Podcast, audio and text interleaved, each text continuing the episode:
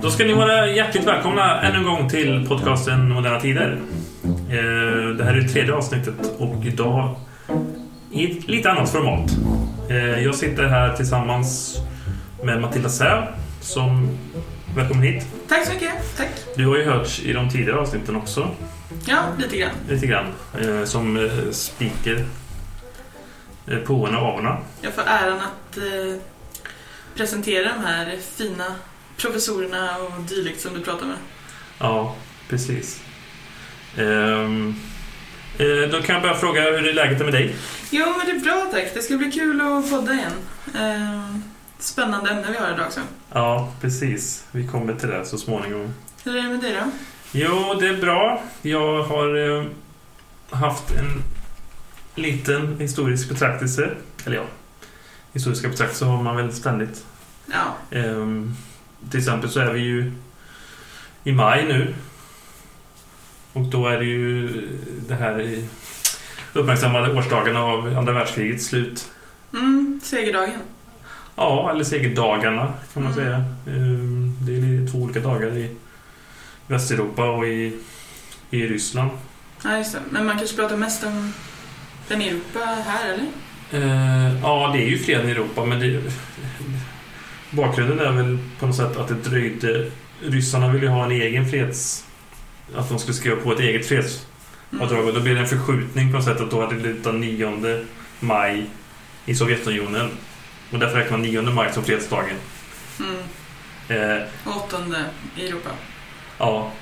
Fast egentligen tror jag att man skrev på de här Jodl och Keitel skrev på fredsavtalet. Eller ja, kapitulationspapperna redan den 7 maj på natten. Jag fattar inte om det är 7 maj och så, så det blivit 8 maj. Jag fattar inte. Det är lite rörigt det där tycker jag. Men 8 maj är ju den dagen som man har firat. Mm. Men jag läste häromdagen bara, jag tror på Wikipedia, att den här bilden från, eh, vad heter det, i Stockholm. Eh, de firade. Sveavägen? Eller nej? Nej, inte Sveavägen. Eh, ja, där mitt i stan. Kungsgatan. Kungsgatan. Kungsgatan. Ja. Eh, det var den 7 maj, stod det i texten. Jaha. Så jag vet inte. Nej. Men... Eh, ja, det är väl kanske uppmärksammat, men på senare år är det kanske ännu mer uppmärksammat i Ryssland, för de har ju som gjort en stor grej av det igen. Det är mycket så här Mm. militär eh, grejer och sånt. Ja. Men eh, sen så såg jag en film också som är lite kopplad till det också. Ja. Eh, Som jag inte vet, jag vet inte om du har sett den eller inte. Jag har inte sett den, för jag vet ju vilken Du vet vilken det är? Valkyria är. Ja, Den är inte så ny, den är väl tio år sedan. den kom. 2008. Nej. Nej, jag har inte sett den, men eh, det ska jag väl göra någon gång. Ja, den eh, är ju ganska intressant. Eh, Den handlar ju om den här han, eh, greve von Stauffenberg. Mm. Nu kommer jag inte ihåg vad han heter i förnamn. Men han, eh, 20 juli-attentatet mot Adolf Hitler. Som misslyckades. Eh, ja. 20 juli 1944, så det är ju ett knappt år innan. Mm. Det är bara några veckor efter eh, landstigningen av Normandie. Mm. Eller några veckor. Nej, en, en och en halv månad ungefär. 6 juni var väl dagen det. Ja. Det är lätt att komma ihåg. Ja. Saknar choklad då? Det var därför han valde den dagen, tror Vem? jag. Eh, Klipp bort det. Det skulle vara ett skämt. jo, men jag, jo, jo, men jag, dagen D sa jag. Ja. Ja, Men det var därför han valde att landstiga ja men typ- Normandiet. jag tyckte, du sa han. Jag tyckte, Ja, nej, men de... Ja. Klipp det.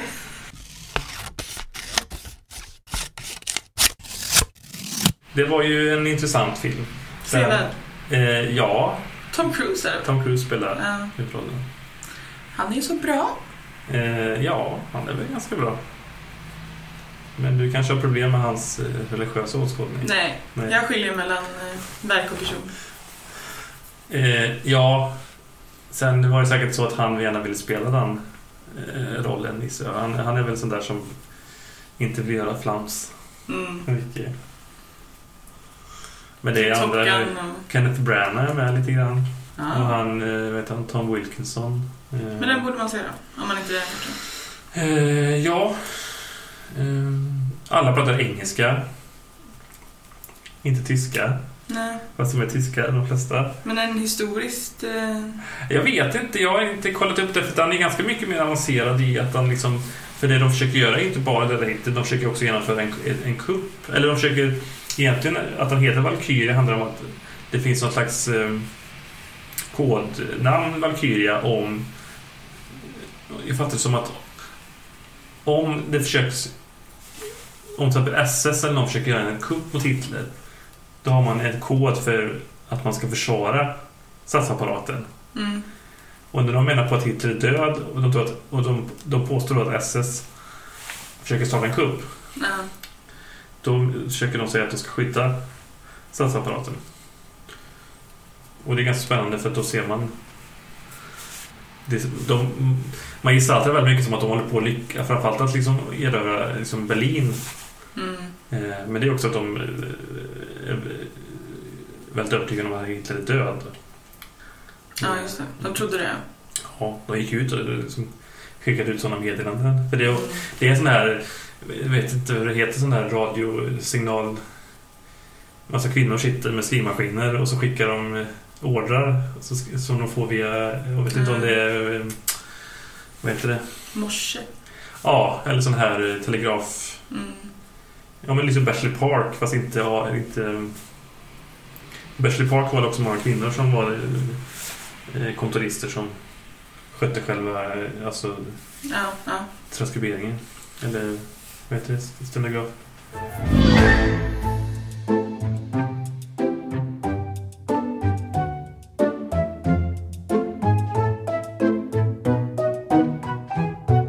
Du kanske kan presentera detta avsnitts ämne? Ja, det kan jag göra. Det är frågan vem det är som är huvudperson riktigt i det här eh, dramat. Det kanske är Kristian den sjunde av Danmark Ja, som vi lägger mest fokus på ändå. okej. Men eh, han fick ju en eh, läkare, en livläkare som hette Johan Friedrich, Friedrich Struensesen Mm. som också spelar en väldigt stor roll i den här lilla historien. Men vi kan ju börja med Christian. Eh, ja. Ja, han var kung i Danmark. Eh, och eh, efterträdde sin far Fredrik V. Hette Mm. han va? Ja, Danmark var ju vid den här tiden, alltså, vi sa, sa ju faktiskt inte var i tiden vi är. Detta är ju mitten på 1700-talet, 1766. krönt han. Ja. Ja, Krönt. ja, bli kung då i alla fall. Mm. Eh, jag vet inte hur det är med Danmark, jag antar att man krönte kungarna på 1700-talet. Ja, Ofta gör, görs ju det lite se- åtta året efter man blir kung, så mycket kröning. ja. Ja. Eh, Men han föds ju då 1749 ja, och blir kung 1760. ja, jo, men eh, Danmark var ett envälde skulle jag säga också. Mm. Kungligt envälde, och det hade det varit sedan 1660-talet. Eh, när Fredrik III gjorde en, en statskupp och förskansade sig med all makt. Det hade föregåtts mycket tiden innan av eh, ganska mycket maktkamp mellan adel och kungamakt i Danmark. Danmark hade ju varit en nordisk... Danmark hade ju varit som en stormakt i Norden före Sverige kan man säga. Mm. Och var ju den centrala makten i Kalmarunionen och, och så. Men på 1600-talet började ju Danmark stagnera norra Sverige och var på väg upp. Mycket i mitten på 1600-talet. Och man hade ju väldigt mycket krig mot just Sverige Mm. där. Och eh, man tror väl att... Förlorade ju. Ja. 1658 freden och Skilde. Då Skåneland Mm. hela Danmarks östra eh, rikshalva liksom eh, erövrades av Sverige. Och man förklarar väl mycket just att det gick dåligt i kriget på att det var den här interna, interna stridigheten mellan adel och kungamakt. Och det var då Fredrik III tillskansade sig all makt. Mm. Men eh, ungefär 100 år senare då så var det ju inte riktigt så. Kungen hade formellt all makt. Men eh, Fredrik V till exempel, Kristians pappa, han verkar inte vara speciellt intresserad av att styra. Utan man hade ju några starka män snarare som ledde landet. Ja, man hade ju som en regering, eller riksråd, som eh, styrde i praktiken. Ja, Men det jag skulle säga då var att han redan som 17-åring eh, fick då enväldig makt i teorin. Eh, Och det är ju ganska Mm. stora skor att fylla Ja. för en tonåring. Ja, eh, kolla, vet han, Karl XII var ju Ja, fram. ja absolut. Jag menar inte att det var ovanligt. men- Nej, men samtidigt så var ju de... Men Christian var ju i och för sig kanske... Han ansågs ju vara en väldigt svag person från början. Mm. Så att han var väl egentligen ansåg man väl att det liksom fanns ändå, oavsett om han var intresserad av makt eller inte, så skulle man kunna säga att, att eh, det fanns skäl att ha en slags förmyndargärning för honom även om han var vuxen. Mm. För han ansågs ju inte vara riktigt eh, liksom, mentalt tillräcklig. Nej, och frågan är väl hur mycket man hade försökt att hålla honom så också. Det pratas ju om att han blev eh, inte så väl behandlad som barn till exempel. Han fick ligga i iskalla bad och sådär för att han Mm, skulle på ja, något fysiskt, sätt eh, eh, Misshandel. tuktas. Men eh, det sn- gjorde väl snarare att han blev kanske mer eh, mentalt eh, sårbar eller vad man ska säga. Ja. Så att det var inte så lätt för honom. Men han hade ju sin, sitt riksråd då, i alla fall som ju väl försökte på sitt sätt att eh, styra så bra som möjligt. Ja. Ehm, Och var Men det- ganska nöjda med att ha den makten också. De Ja. eh, personerna som satt där. men jag tänkte bara en skillnad med Karl XII var ju att han var ju 15 år och ansågs kunna få all makt ändå. Mm. Han var ju inte en person, det var ju motsatsen menar jag. För att vi hade ju förmyndarregering i Sverige men ofta så många var, blev- var barn och blev kung och drottning. Mm. Men för Kristian verkar det också Ja, vara- precis. Men det verkar ju också vara kanske lite skillnad i Danmark mot i Sverige för att där ville ju det här riksrådet ha makten egentligen och de hade ju inte Ja. som tenden, eller de hade inte för avsikt att någonsin lämna över makten helt och hållet till Christian på det här sättet utan de ville ju styra Nej. honom oavsett om han var eh, 48 eller 18. Ja, men det, jo, precis vad jag menar. Men han var ju redan från början också ansågs ju inte vara kapabel. Nej men även om han hade varit... Karl XII var ju en krigarkung och uppenbarligen såg man Ja. hans kapacitet redan... eh, Han hade ju troligtvis blivit myndig några år senare egentligen. Men man myndigförklarar honom tidigare. Jo, men jag Eh, tror också att det är en skillnad i hur man såg för att det här riksrådet ville ha makten också. ja. Och Oavsett om då kungen var mentalt svag eller om det var en subut. Eller, alltså man hittade olika anledningar till att försöka försvaga kungen och behålla makten i riksrådet själva oavsett hur gamla de var eller vad det var som var e- det egentliga problemet. För det är ju det man pratar om pappan också då. Ja, men han var ju inte så intresserad. Nej, men det är ju Marknaden. frågan om varför han inte var där då. Han var lite mer intresserad av eh, liksom, flärden och lyxen kring... Men han var inte intresserad av att styra heller utan det var ju riksrådet som styrde. Ja, jag menar det. Och Då menar jag bara att de kanske hade lite som eh, en dold agenda att eh, de ville väldigt gärna behålla det så oavsett vem det var som var kung. Ja, men det var ju mycket möjligt att det var så i Sverige under 1600-talet också.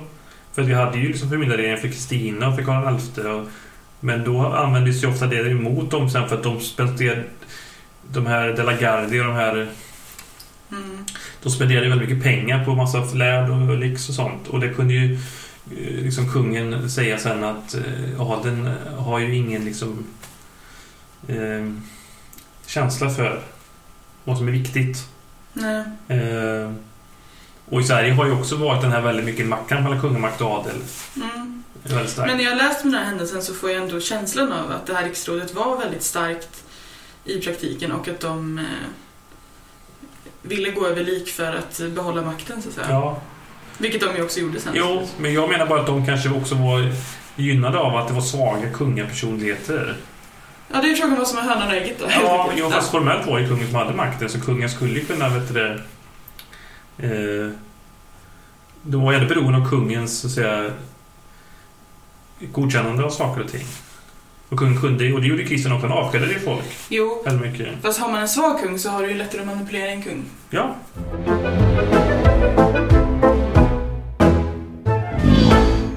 Han gifter sig. Mm. Men vem då? Caroline Matilde från England Mhm. som ju var hans kusin och syster till eh, George, han som skulle bli George den tredje sen. Mm. Hon var bara 15 år när hon kom till Danmark så hon var... Ja. Men han var inte så mycket äldre. Nej.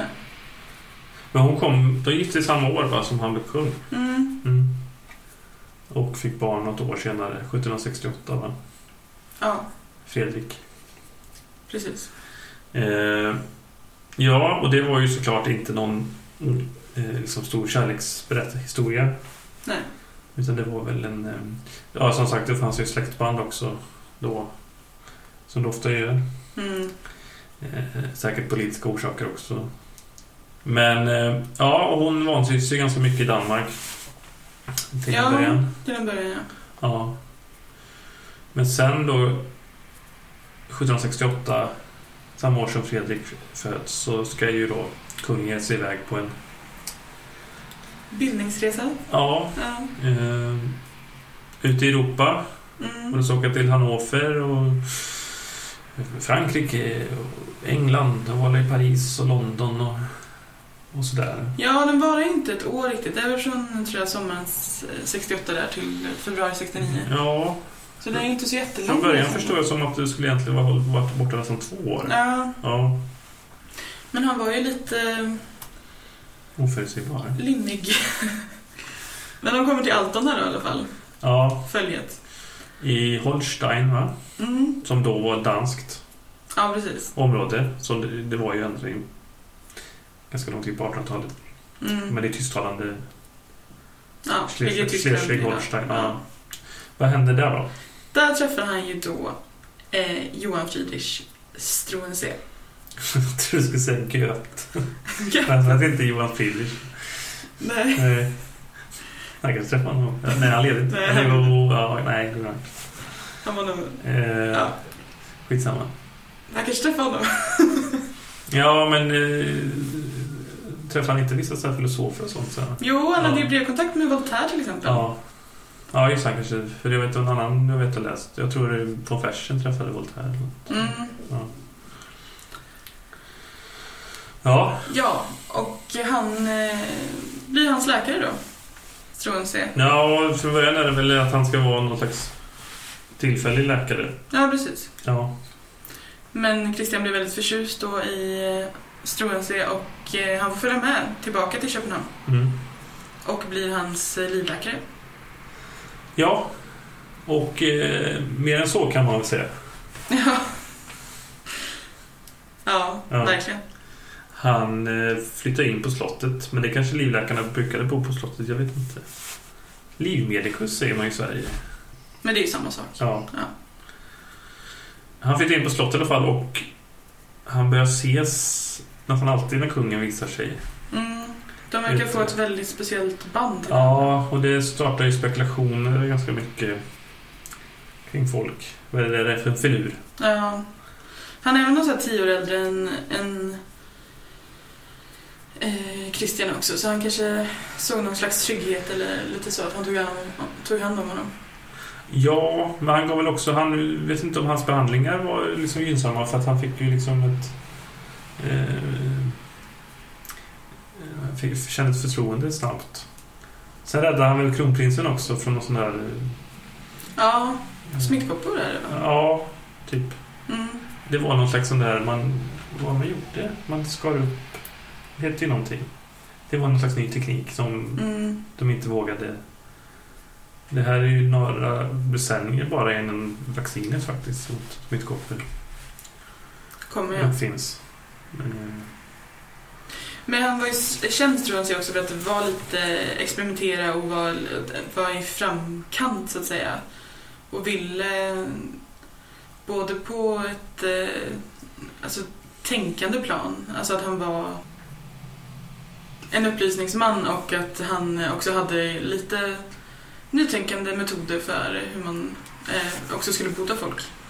ja, det här var ju lite i upplysningens tid Mm. kan man ju säga. Men gamla tankesätt fanns ju kvar också bland eh, vissa så att det var ju lite eh, Ja, den medicinska vetenskapen hade väl inte kommit speciellt långt. Nej. Men var, det var väl en slags vetenskaplig revolution som kom samtidigt. Jag tänker ju... Vi hade ju Linné och allt det här sam, ungefär samtidigt. Ja, och en del eh, filosofer också. Alltså Ja, Voltaire, Diderot, ja. Rousseau. Upplysningen, där ska man säga att den börjar egentligen... Jag antar att det är redan i slutet på 1600-talet, eller?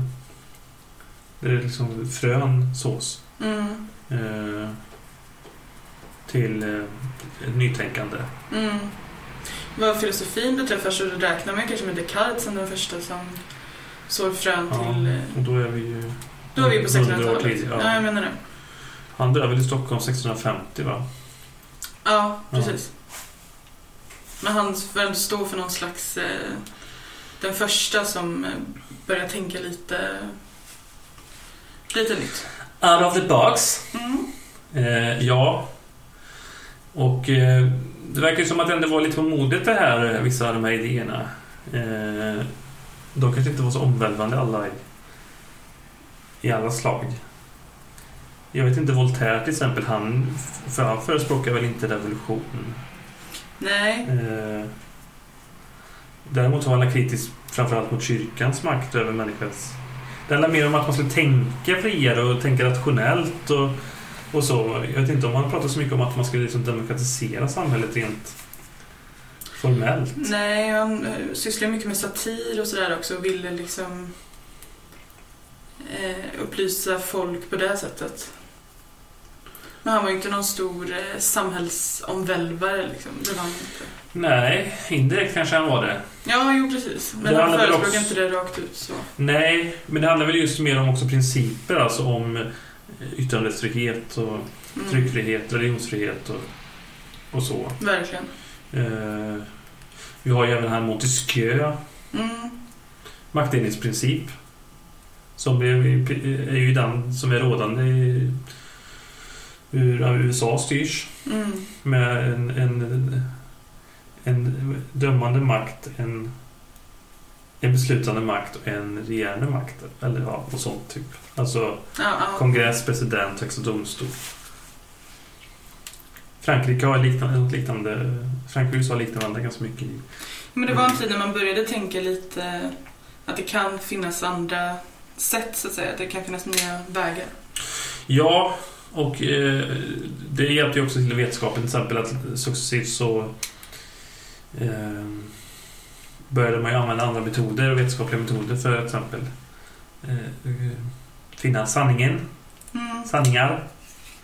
Och det här var Eh, just Roensee ett, ett fan av.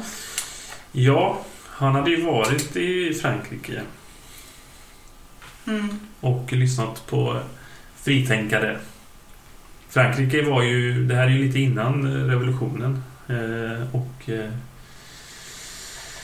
bilden av Frankrike eh, de här åren är ju väldigt mycket att eh, det- det finns en, ett hov som är väldigt sådär eh, alienerade från, Mm. som lever ett oerhört flärdigt liv och folk lever väldigt fattigt i övrigt. Men de kan väl äta bakelser? Ja, som väl tros vara ett, Ja. ett påhittat citat men eh, Men det är kul. En av poäng kanske. Men det är också USA, det är även innan den amerikanska revolutionen, som också är en väldigt avgörande händelse kan man säga. i- Och kanske egentligen på ett sätt är mer präglad av eh, upplysningsidéer. Mm. Där man sta- skapar en hel liksom, nation kring en idé, Mm. Mm. kan man säga. Mer. Verkligen. Och den är också väldigt sådär eh, radikal att man så att säga vill inte ha... Man skapar en republik för att man vill inte ha en, en, förtryck, en kung som kan bli förtryckande och... i- Nej. Eh. Och är över sin makt. Ja. Eh, Mm. Ja. Men vad var han Stroensen nu då? Han var Ja. tysktalande. Mm. Vad var ju det vi eh, pratade om? Alltså, han trodde på en förändring. Ja. Och såg väl, började väl se mer och mer lite sin chans att eh, kunna påverka på ett större plan. Men när han kom nära kungen så väntade han... Han vilade inte på hanen direkt. Nej. att eh, försöka påverka. Och kungen, eh, ja, han eh, protesterar ju inte direkt. Nej. Eh, han verkar ju trott att det Troelse gjorde var av godo. Mm. Vilket jag, jag tror i och för sig att det var också. Men eh, Det kan man ju det, ha det filosofiska rummet om, mm. kanske. Han började förändra saker i alla fall och han Mm. började Men han blev kungens närmsta man och eh, började få igenom förslag som han själv tyckte var bra. Till exempel eh, tryckfrihet, Mm. Ja, avskaffande av tortyr. ja avskaffande av censur också. va? Mm, precis. Eh, Inskränkte adeln väldigt mycket, adelns makt. Ja, u- utnämningsväsen det och det förbjöds, vilket då kan tyckas låta gott, det förbjöds att man kunde köpas eller man kunde sälja tjän- olika höga ämbeten och sånt, eller tjänster. Mm, Eh, vilket uppenbarligen var ett slags korrupt system då som fanns eh, tidigare. mm, Och det ställdes också högre krav just på ämbetsmän inom staten. Eh, och att de skulle ha... De kontrolleras också. Så att säga. ja. Eh, Så det var väl någon slags antikorruptions eh, tanke där, antar jag. Sen var ju, blev ju han själv adlad i ståelse. ja, precis. Men det var ju en annan femma. Men det här riksrådet får ju mindre och mindre makt och, och Struensee får mer och mer makt helt enkelt. Och det blir hans eh, förslag som blir eh, antagna Mm. av kungen, med kungens sigill. Ja, han avskedar ju folk. Han avskedar den här Bernstorff Mm, som har suttit där i 20 år och är väldigt känd. Han var utrikesminister kallades hans titel. ja, bland annat.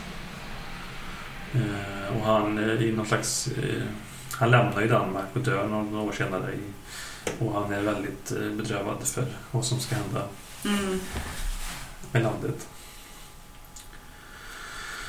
Ja, och eh, ja, vad jag med han... eh, Han, inf- han skapade någon slags liksom, tidig typ av statsbudget som tydligen man inte hade haft. Man hade inte riktigt haft koll på räkenskaperna i nej. staten. Och han, är- och Han ordnar till saker. han sparar på mycket Mm, militära utgifter.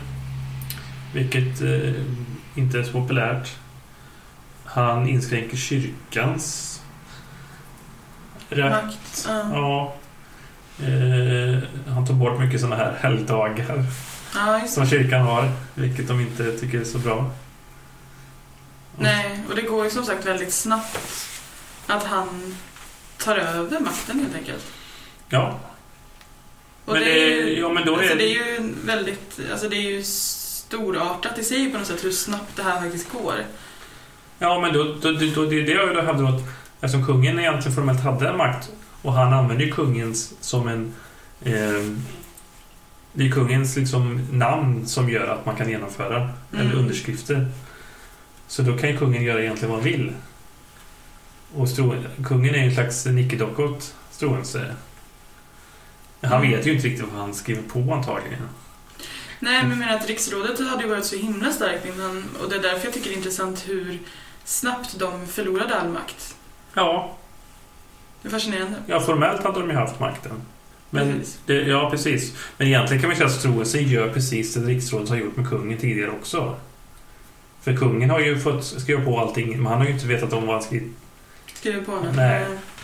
Eh, Och till slut går det ju så långt att eh, Astroense fixar ett eh, sånt sigill så att kungen behöver inte ens skriva på. Nej. Utan eh, det räcker med det här sigillet så, så eh, kan Astroense skriva på själv i princip. Och det är det eh, som ju också händer på slutet. och sen är det ju... Så då kan ju Astroense verkligen göra precis vad han vill. Eh, ja. Eh, man hade ju en liknande variant i Sverige också Mm. efter den här... eh, När Adolf Fredrik, eller hans drottning, försökte ta makten. Eh, ta tillbaka kungamakten. Så eh, ansåg man att kungen behövde inte komma på mötena längre. Nej. Vi kan stämpla ändå. Eh, stämpelkompani kallas det väl? För att man, har, en st- alltså, man stämplar med kungens sigill. Sen kan vi prata lite om drottningen kanske. Mm. Mm, vad hände där då? Ja, vad hände där? Ja, eh, jag har förstått som att genom åren så har historikerna varit lite försiktiga fram och tillbaka kring det. Men nu vet jag inte om det liksom är liksom den allmänna uppfattningen är att man, de hade en relation. Uppenbarligen hade de ju ett- ett barn tillsammans i alla fall, Struensee och drottningen. Ja, man får väl kanske utgå från att de, de inledde en affär i alla fall. Ja, Eh, sen verkar jag tycka att det verkar lite oklart hur... Det jag läser tycker jag att det skiljer som att drottningen blev väldigt förälskad i honom men att han kanske inte var så himla förälskad i henne. Nej, nej, Nej. det är svårt att veta. Eh, ja, men att han var... Han var, ju inte, han var, han var väl inte gift tidigare heller? Nej. Han var ju tydligen känd, eller hade ett rykte om sig som var en kvinnokarl. Ehm, Då var ju drottningen eh, högst. Ja, samtidigt kan man tycka att det vore konstigt på ett sätt. Ja, Han hade för... För kungen hade han ju redan smö, smort, Ja, så att säga. han ville ha allt. Jag förstår så kungen verkar inte heller bry sig så mycket om... Nej, Men de hade kungen, hade flera ju, kungen hade ju sina egna. Ja, men han, nej, ja, precis. Och de hade ju inget samliv. I princip. Nej, Efter de fick barn. de verkar inte ha Nej. tyckt om varandra speciellt mycket. Nej. Även om Kungen eh, jag förstår som att Solstedt, en av hans första uppgifter var att, ska, att försöka förbättra relationen mellan kungen och drottningen. Mm, det gick inte så bra då. Eh, nej, men eh, samtidigt så verkar det som ändå så att att kungen kanske tyckte att Struensee var en bra person som kunde skö- ta hand om kung, drottningens eh, väl och ve. Ja, Ja. mm. Eh, Någonting hände i alla fall och det, det blev ju en... eh, Ett barn ja, som du sa. Och eh, någon typ av kärleksaffär i alla fall. Mellan dem. mm. Som pågick eh, så länge han var där ju. Ja. Kungen hade ju själv haft en ganska eh, känd eh, kärleksaffär. Han var ju, som sagt, han var ju tonåring när han blev kung och han levde ett ganska eh, vilt liv. verkar det Ja, som. utsvävande. ja. Han gillade att festa och, och med kamrater, antar jag. Mm, ut Och på de gick ju, Köpenhamns- ja, men det verkar så infantilt tycker jag mycket. De, var väl så här, så, de sa att de söp och så gick de och slog sönder glasrutor. Ja, Ja, som ett sagt gäng. men var han, men var han 15-16 år då? När det Jo. hände, alltså. För att jag har läst, hört samma sak, att Karl XII också var en riktig fest när han var 15-16. mm, Men att han, hans gamla farmor, änkedrottningen, hade sagt till honom någon gång att det var så. Och då hade han liksom tagit en sista klunk vin och sagt att det här blir det sista jag dricker i livet. mm. Och enligt Herman Lindqvist så höll han det. i alla fall. Ja, men då... är Förutom det så- en gång i bänden någon gång, de tvingade honom att dricka vin eller vad det var. Okej. Ja. Ja, Men jag bara jämför två olika karaktärs... De verkar vara lite antiteser mot varandra. mm. ja, det Ja. är intressant. ja, men han hade en relation med en prostituerad kvinna.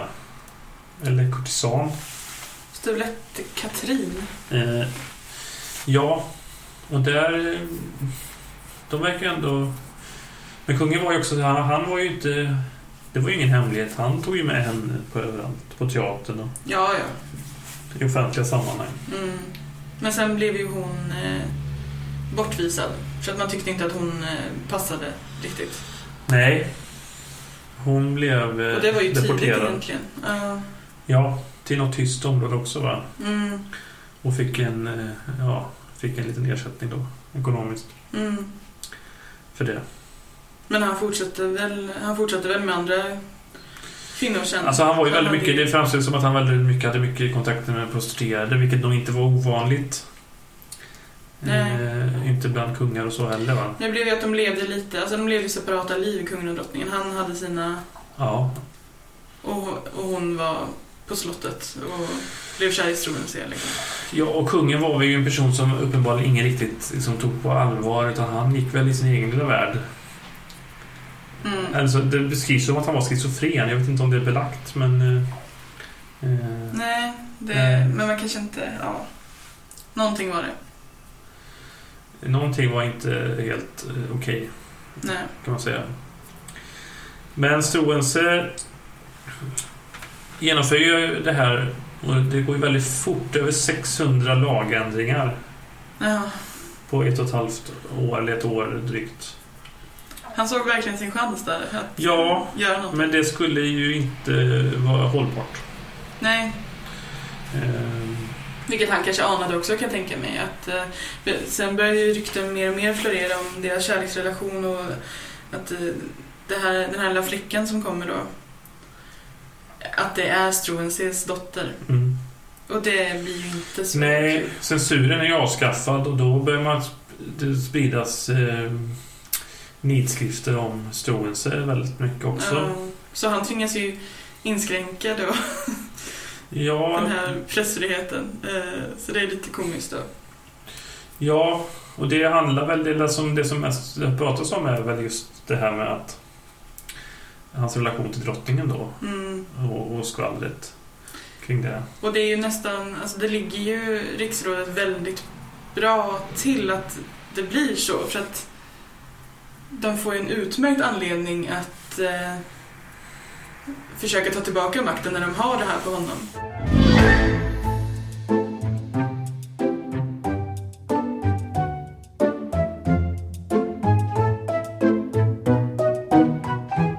Mm.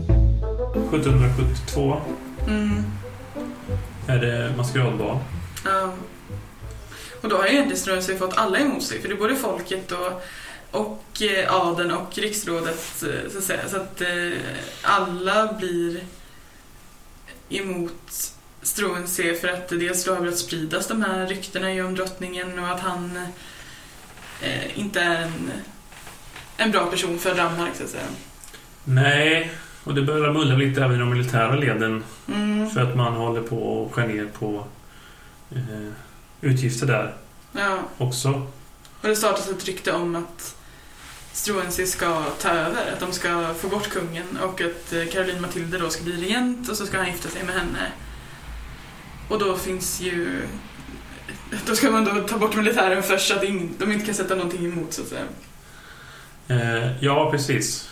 Men eh, det ryktet verkar ju få eh, näring, så att säga.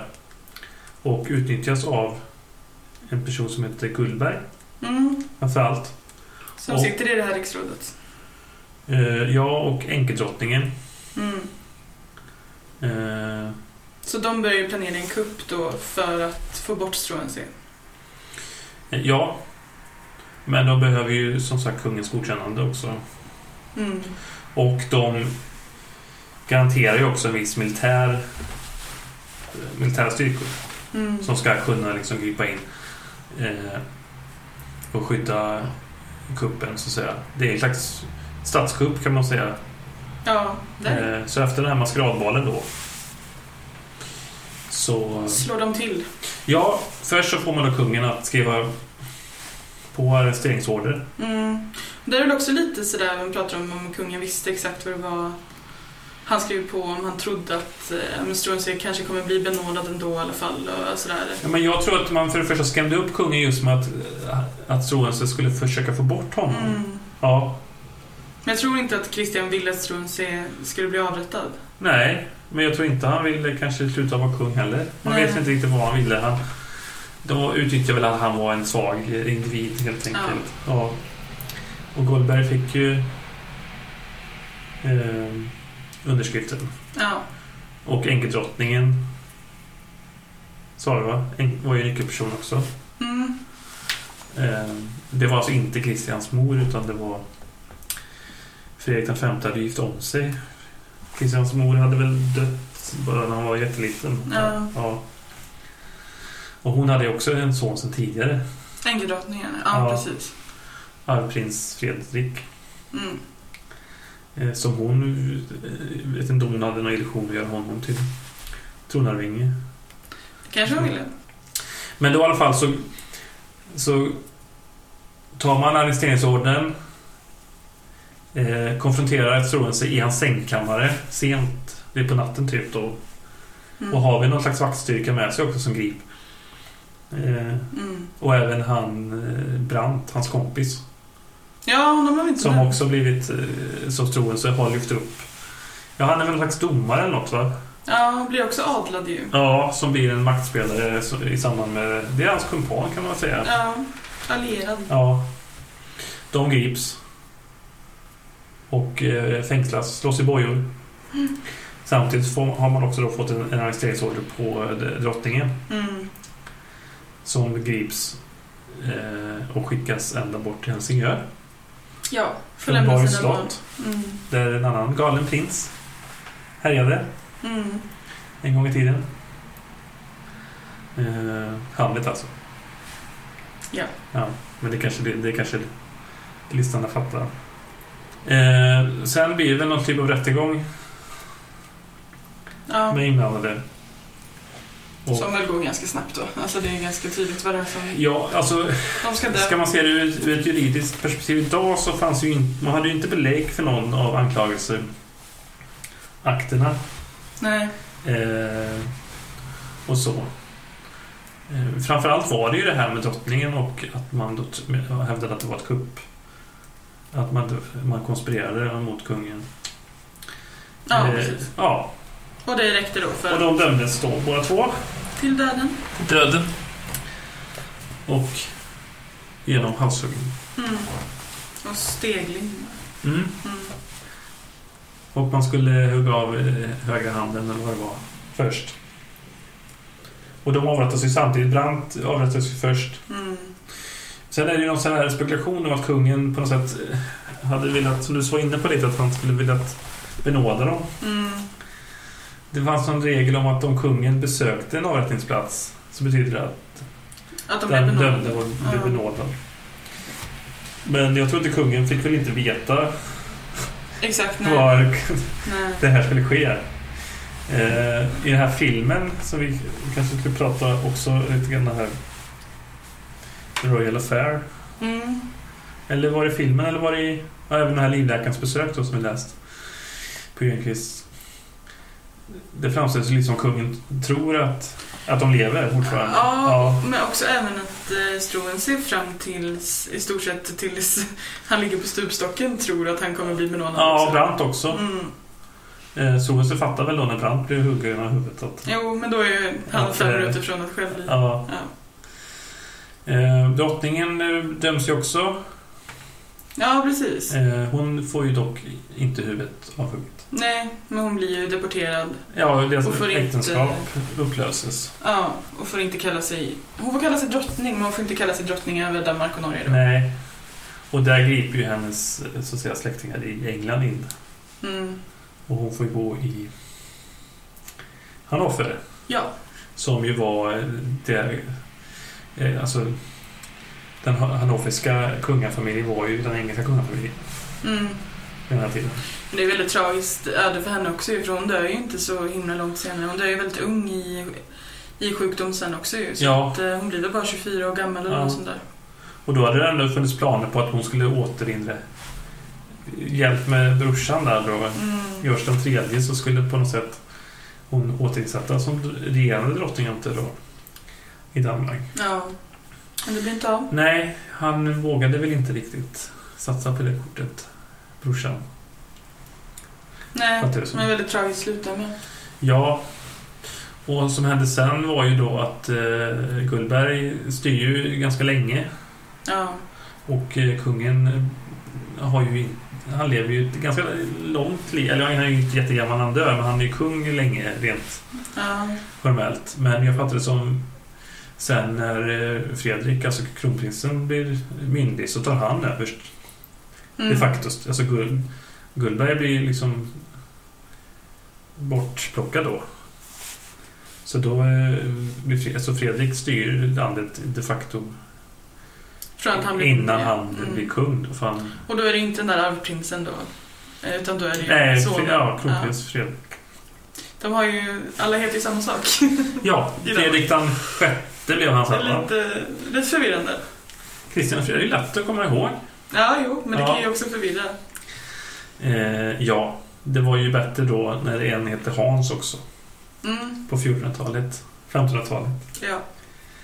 Kristian han... Men han gifte ju inte om sig, Christian. Utan han... eh, Nej.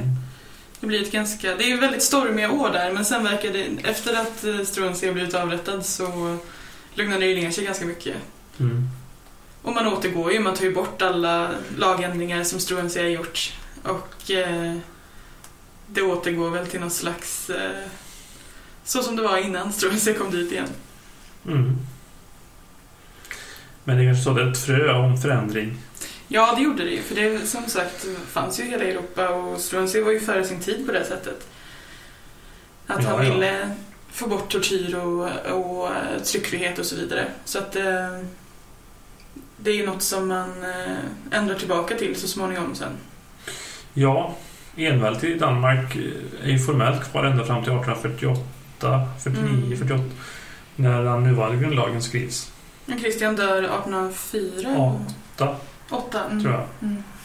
Och sen är ju han kung, eh, jag vet inte hur många år efter det, för att, men han är ju han som tappar... Han, jag vet inte hur... Han är ju också lite, jag vet inte hur man ser på honom, för han var ju den som förlorade Norge till exempel, Ja, till Sverige. det blir en annan podd. Ja, ja, och det är ju redan en annan podd, kan man säga. Avsnitt ett. Ja, just Eh, det. Mm. Ja, men eh, det kanske inte finns så mycket mer att säga. Eh, det, som sagt, det finns ju lite tips då. Eh, Om där- man vill förkovra sig. Ja. Mm. Det är visserligen då eh, fiktiva ja. skildringar. Eh, vi har ju den här eh, fantastiska romanen av P.O. Enquist Mm. som ju gick bort förra året var det väl. ja. Eh, Livläkarens besök som handlar om detta. Mm. Och P.O. Enquist hade ju en ganska nära relation till Danmark. Han bodde ju i Köpenhamn i många år och så. Eh, Det är en ganska bra bok.